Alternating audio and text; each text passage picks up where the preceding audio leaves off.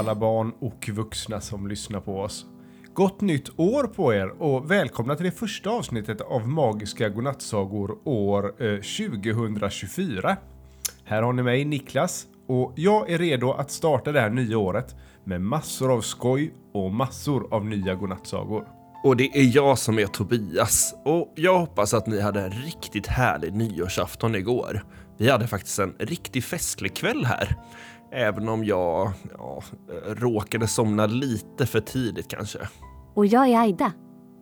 Det var så fint att se alla fyrverkerier och fira in det nya året tillsammans med er.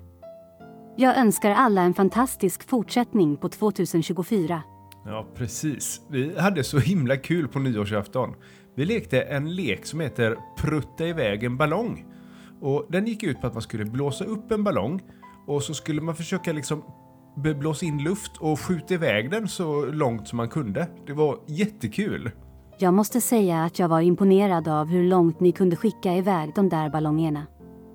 Och Niklas, din nyårsmiddag var underbar.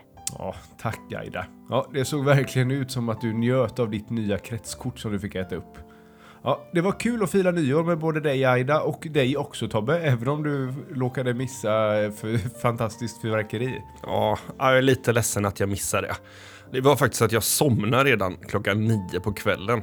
Jag blev helt proppmätt av din goda mat ju. Men jag hörde att det var fantastiskt fint fyrverkeri. Det var de verkligen Tobbe. Och eftersom vi såg så många fina sprakande fyrverkerier igår tänkte jag att vi kunde lära oss lite om dem. Jag skriver ut lite fakta här. Ja, vad kul! Ja, men då kör vi lite fakta. Idag om fyrverkerier. Fyrverkerier uppfanns i Kina för nästan 3000 år sedan. Det var en man som hette Li Tian som kom på idén att använda krut för att skrämma bort onda andar. Och i Kina så firar man fortfarande med fyrverkerier vid många tillfällen. Som bröllop, begravningar och just på nyårsafton. I Europa så började man använda fyrverkerier på 1200-talet när krutet kom hit från Kina. Sedan dess så har européerna utvecklat tekniken och gjort fyrverkerierna ännu finare och roligare. Det är ett sätt att fira och ha kul tillsammans. Vet ni vad fyrverkerier är gjorda av? Det är en typ av pyroteknik som innehåller krut, som är ett slags brännbart pulver.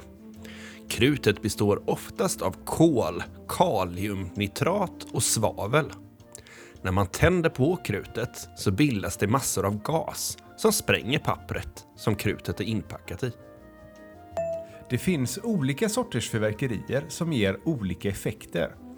Vissa fyrverkerier skjuts upp i luften och exploderar där, medan andra står kvar på marken och sprakar och, eller sp sprakar och glittrar där istället.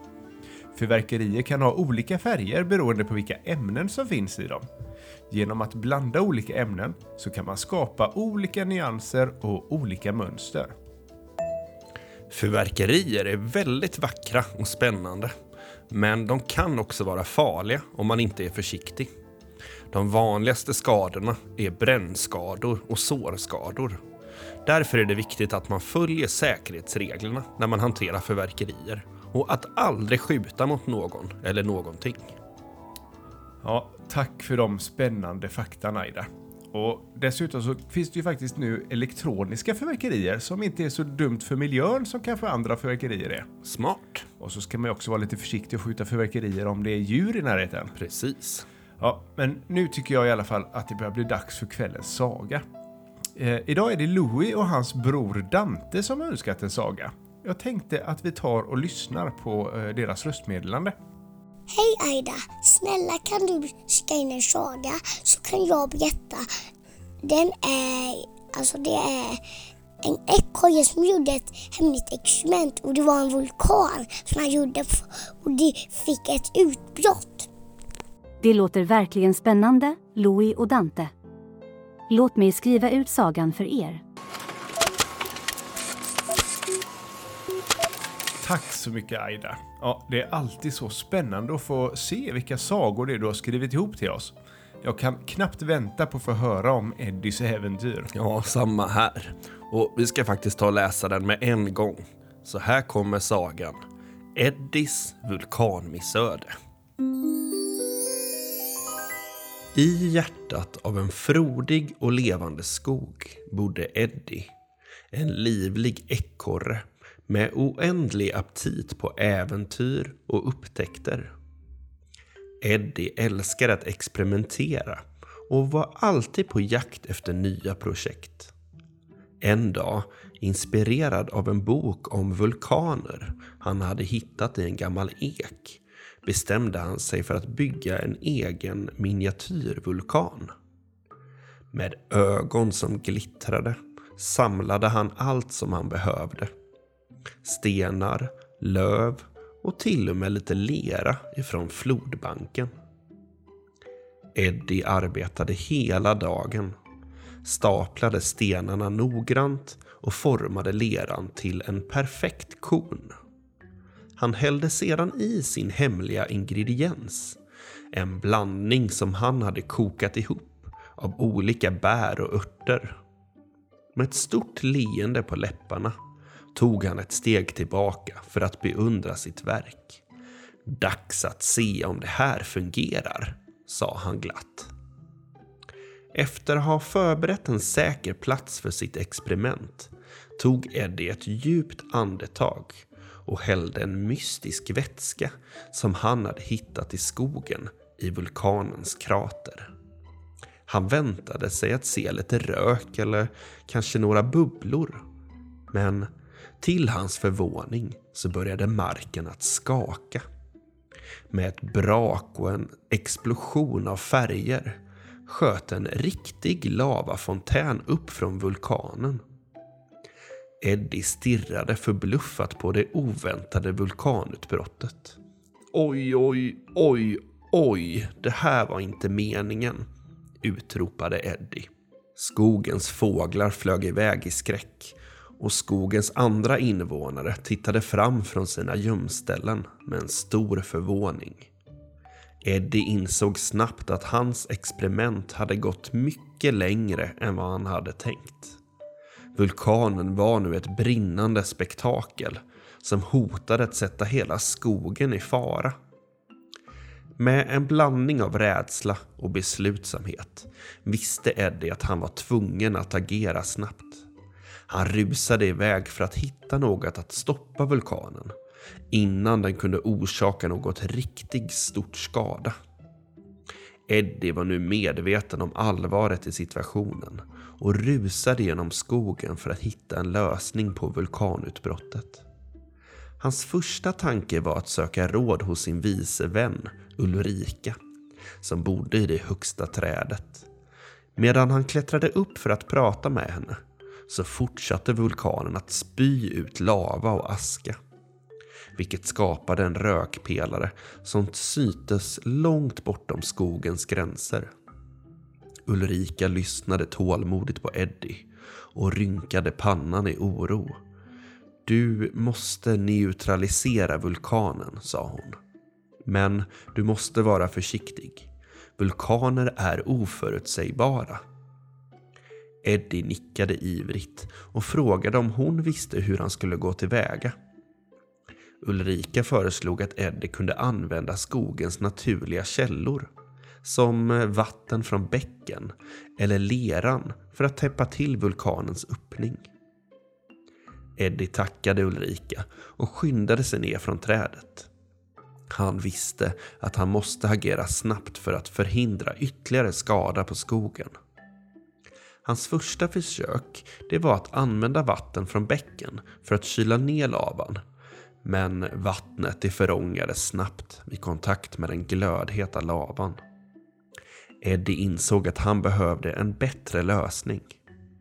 Han samlade då ihop så mycket lera som han kunde hitta och började bygga en barriär runt vulkanens bas. Han arbetade snabbt och effektivt och snart så hade han skapat en tillräckligt stor lerdamm för att stoppa lavans flöde. Men medan han arbetade så kunde han inte låta bli att skratta åt ironin i situationen.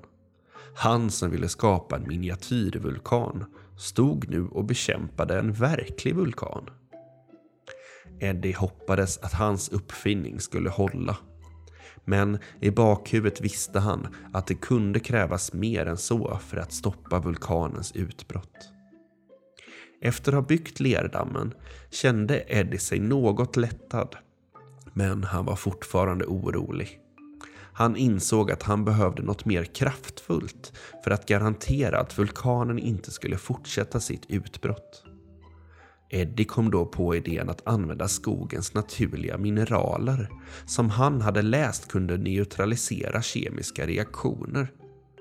Med hjälp av sina vänner, ekorrar, fåglar och till och med några rådjur så samlade han snabbt ihop olika mineraler och började arbeta på att skapa en kraftfull blandning.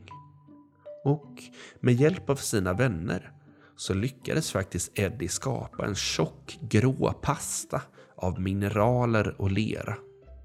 De arbetade tillsammans för att försiktigt täcka vulkanens öppning med blandningen. Spänningen var påtaglig när alla väntade på resultatet av deras ansträngningar. Till deras stora lättnad började vulkanens aktivitet faktiskt att minska och lavan slutade så småningom att flöda. När lugnet återvände till skogen kände Eddie en enorm lättnad. Han hade lyckats stoppa vulkanen från att förstöra deras älskade hem.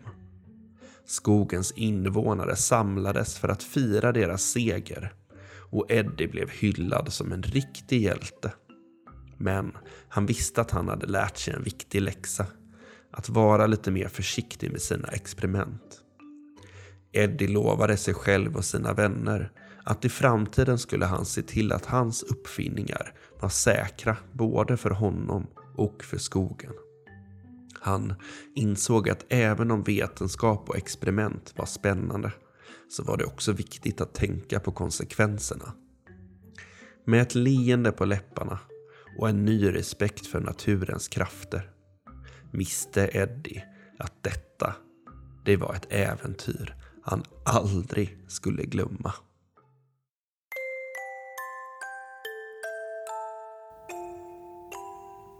Wow, vilken härlig saga. Tack Tobias för att du delade den med oss och ett stort tack också till Louis och till Dante för den fantastiska önskningen. Ja, den här sagan var ju toppen. Eddie lärde ju oss eh, faktiskt värdet av att arbeta tillsammans. Han kunde inte stoppa vulkanen själv. Det krävdes hjälp från alla i skogen. Ja, ett väldigt fint exempel på samarbete och gemenskap. Ja, verkligen fin saga det var. Jag hoppas att alla våra lyssnare har haft lika mysigt som vi hade idag. Kom ihåg att skicka in era egna sagoönskningar på vår hemsida. Just det, och den är som vanligt www.magiskagodnattsagor.se. Och tänk på att det alltid finns äventyr. Precis som för Eddie så kan de dyka upp när som helst. Vi hörs snart igen med fler sådana. Hej då och sov så gott. Godnatt. God natt och dröm sött.